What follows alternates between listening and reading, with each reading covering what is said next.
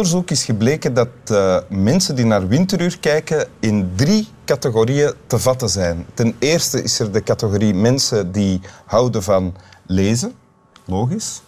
Uh, dan is er een categorie hondenliefhebbers. en dan is er ook nog een categorie uh, vrouwen van middelbare leeftijd die zich aangetrokken voelen tot Wim Helsen, de presentator van dit programma.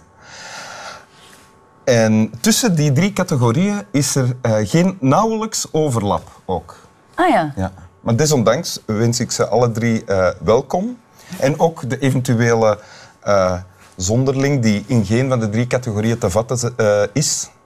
ook die is welkom. Een dronk, dronkaart of zo ja. dan misschien. Die, die zijn kastje niet meer terugvindt. van doel om te zappen. En naast mij zit Carmien Michels. Welkom, Carmien Michels. Dank u wel. Bronzen medaille. Ja. ja. Ja? De Olympische Spelen hebben we vijf medailles gehaald, maar jij hebt een paar maanden eerder, denk ik, ook brons gehaald op een WK. Ja, op het uh, wereldkampioenschap Poetry Slam. Ja, in Parijs. Ja, in Parijs ja, was Waar het. ook Japanners en mensen uit Madagaskar en uit Canada aan Ja, meededen. ja. Maar jij, en jij deed daar eigenlijk mee onder Nederlandse vlag. Ja, ehm, ik had al meegedaan met het Belgisch kampioenschap Poetry Slam. En zo steeds net naast gegrepen, zo tweede geworden, publieksprijs. Onterecht. En nee, nee, nee. Nee, de Walen zijn echt wel beter. Ah, maar eh, ik dacht, ik ga naar Nederland, want ik had daar al eens een finale gezien. Ik dacht, ik pak die Nederlanders keihard. Wat ook het Ja. geval was. Ja, ja, ik heb er wel mijn best voor moeten doen. Ik had heel veel stress, maar eh, ja, het is goed gegaan. En Dus je bent eerst Nederlands kampioen Ja. poetry. Misschien moeten we even uitleggen wat poetry slam is. Eh, poetry slam is een genre dat... ehm, ja, heel simpel is het eigenlijk gewoon een gedicht heel goed brengen op het podium. Ja. Ehm, en dat genre ligt een beetje tussen rap en speech en performance. En, Ja. Want het is heel vaak ritmisch Het en is vaak gedreven. ook in de vorm van een wedstrijd. En, Ja. Dus je moet het publiek ook op je hand krijgen. En, Ja. eh, en zelfs battelen soms. En ja. uiteindelijk... Eh, je krijgt meestal maar drie minuten om een tekst te doen die je wel hebt voorbereid. Eh, als je daarover gaat, dan word je gestraft. Dan eh, wordt er water op je gespoten of krijg je Ah, ja. strafpunten of zo van die dingen. Fysieke straffen ook? Ja, het, het water. Ah, ja. Mm, Het Voor de rest valt het de klapjes mm, nog niet mee, Nee, maar dat mag wel eens komen. Dat kan, ja. Alles beweegt, hè, dat kan nog altijd. En je bent ook, eh, behalve eh, bronzen medaillewinnares, ben je ook dichteres en schrijfster. Mhm. Je hebt twee romans uit, Ja. eh, waar de bliksem... Vraag het aan de blik. Vraag het aan de bliksem en We zijn water. Ja, dat klopt. Ja. Ehm, je hebt woordkunst, woordkunst gestudeerd.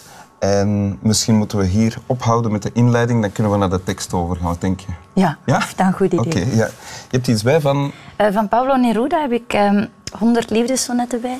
Ehm, ja, sonetten over de liefde. Eh, dat is een Chileense dichter die al een tijdje dood is. Ja, gestorven. Ehm, hè? Ja, ja dat gebeurt wel eens. Ja.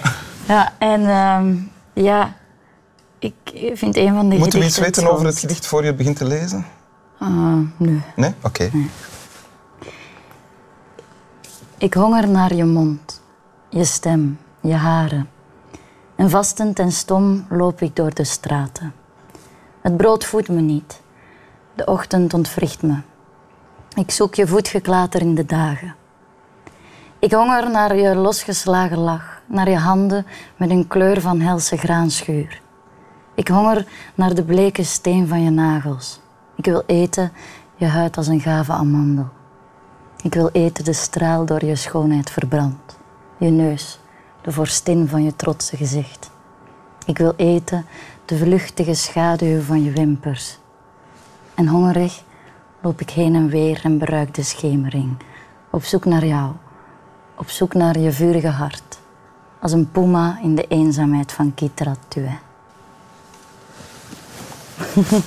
Het is bijna spijtig om, over, om nu te beginnen praten, vind ik. Maar bon. Ja, ehm, ik was 17 en toen ehm, deed ik ingangsexamen voor eh, woordkunst. Je was 17, je bent nu... 17 jaar. Ik, was, ik ben nu bijna 26. Ah ja, oké. Kleine tien jaar geleden. Ja. Ja. Ehm, Je Ja, deed ingangsexamen dat woordkunst. is echt al lang geleden. Ehm, ja, en ik wilde weg uit Leuven. Ik ging naar Antwerpen en ik had net ook heel veel boeken over eh, Marques gelezen, van Marques gelezen, die zo heel Spaan- veel Spaanse invloeden hadden. Ja. Ehm, en als opgelegd gedicht krijgen we dit. En ik vond dat heel goed aansluiten bij de, zo dat Zuiderse temperament. En ehm, ja, ik deed dat op het examen. Ik Het ingangsexamen. fantastisch. Ja, het ingangsexamen. Ja. Ja. Mm. Want voordien had, ken je deze tekst nog niet. Nee, ik kende die dichter ook totaal niet. Ehm, ja, en ik las ook geen poëzie. Ik Ah, nee. bracht ook geen poëzie. Oké, dus dat is bijna het eerste gedicht dat je mee... dat ik bracht, ja. Hiermee, hierdoor ben je met, met poëzie na aanraking gekomen. Ja, eigenlijk wel. Ehm, en het was voor- een tienkoppige jury en dat was heel spannend. Ik had die dag ook zo heel veel koorts. En ik denk dat dat koortsige gevoel ook wel perfect was voor dit gedicht. Oké, Om, eh, omdat daar zoveel passie in zit. ja, dat is waar. Ja, maar ik wist toen echt nog niks over de liefde. Nee, ook nog niet zoveel, maar, eh, maar Een ik vond dat dingen wel... meer al wel. Ja. Ja. En maar dit gedicht, heb je het dan eh, nadien nog vaak opnieuw gelezen of zo? Of heb je het nu, voor het, omdat wij de vraag hebben gesteld, terug opgediept? Eh, nee, ik, ehm, ik ken het eigenlijk een beetje uit mijn hoofd. Nu was Ah, ik te nerveus daarvoor. Ah ja. Zou je het straks uit je hoofd willen proberen? Misschien een stukje, ja. Oké. En ehm, als ik het uit mijn hoofd doe, dan breng ik dat heel vaak als ik dronken ben op festivals om drankbonnetjes te krijgen in ruil daarvoor. Of, Dan spreek je iemand aan en begin je dit te zeggen. Ja, ja. En, of, eh, En werkt dat dan? ja, meestal krijg ik drankbonnetjes of Ah, iets ja. anders. Eten of... eh, Maar je moet dronken zijn om dat te durven, of hè? Nee, maar... Nee, tegen dat ik, voordat ik dronken ben, zijn mijn drankbonnetjes nog niet op. Dus tegen dat ik dronken ben, heb ik dat nodig. Ah, ja. en dan, Ja, ja. oké. Zo. Ehm, ja, ik doe het ook wel vaak als, als er zo wat... ehm, pff, zo van die blasé-dichters zijn. Ja? Dus ik denk, ik ga hun hart een beetje doen smelten. Om ze uit hun evenwicht te brengen. Ja. Ja. Ah, ja, ja. Dus als ik zo achteroverleun en- en dacht, haha, daarnet, dan ben ik eigenlijk gewoon de zoveelste die in de val is getrapt. Ook. Nee, ik, ik, ik eh, zet geen valkuilen op. Ah, nee, oké. ja. Ik probeer het echt eh, vanuit mijn hart te doen. ja. En behalve het feit dat je dit gedicht toen hebt leren kennen en nadien nog vaak gebruikt, wat staat er in het gedicht? Wat is er in het gedicht?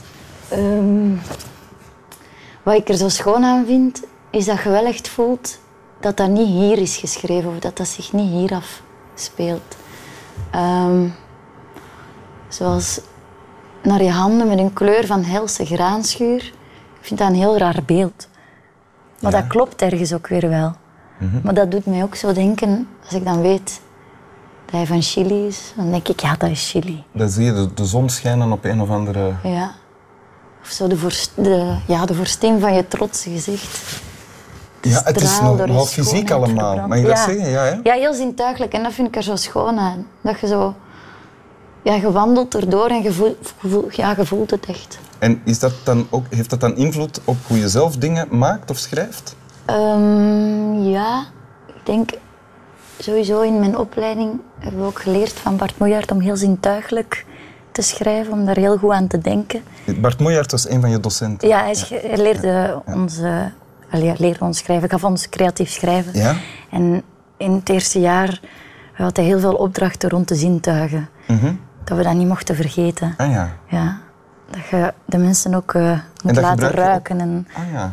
en ja, hun tastzin ook En dat gebruik je nog altijd als je schrijft? Ja, zeker. Ja.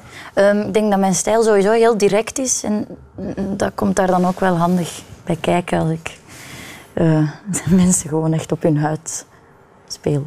Onder hun huid kruip. Ja. Ja. Is er nog iets belangrijk dat we nu niet, niet gezegd hebben over dit gedicht of over wat het voor jou betekend heeft? Ehm, ja, ik- ik vind zo wel, sowieso wel eh, de passie die erin zit heel schoon. Ehm, en het is er nu afgevallen, maar de, de eenzaamheid van Kitratue, dat is de laatste, zin die ik voorlas. Ja? Ehm, ja, als een puma in de eenzaamheid van Kitratue. Ik vind dat dat echt wel heel erg klopt. Ik ben ook zelf heel passioneel in alles wat ik doe. En als ik zo op iemand vreemd heel verliefd word, dan ga ik die zo idealiseren, waardoor ik heel eenzaam ben op den duur. Omdat dat toch totaal onbereikbaar is en een wensdroom in Dan ben mezelf je een is. beetje een puma ook. Als een puma. Een eenzame puma. Dan ben ik een eenzame puma. Oké. Ga je het gedicht uit het hoofd opzeggen nu? Ik zal de tekst erbij pakken en als je door de mand valt, dan help ik. Ja. Eh, hier.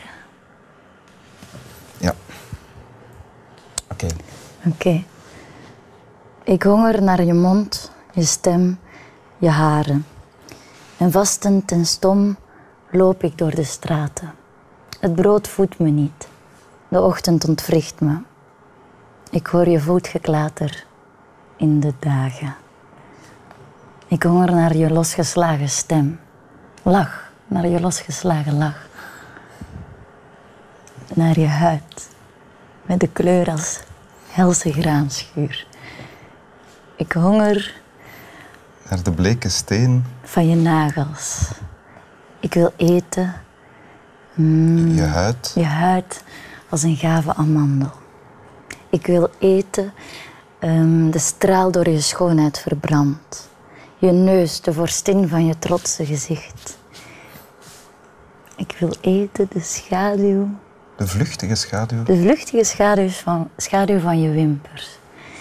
En hongerig loop ik heen en weer en beruik de schemering. Op zoek naar jou. Op zoek naar je vurige hart. Als een puma in de schaduw, in de eenzaamheid van Kitratue.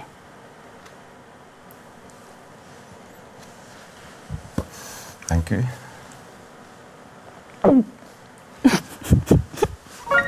Slaap wel.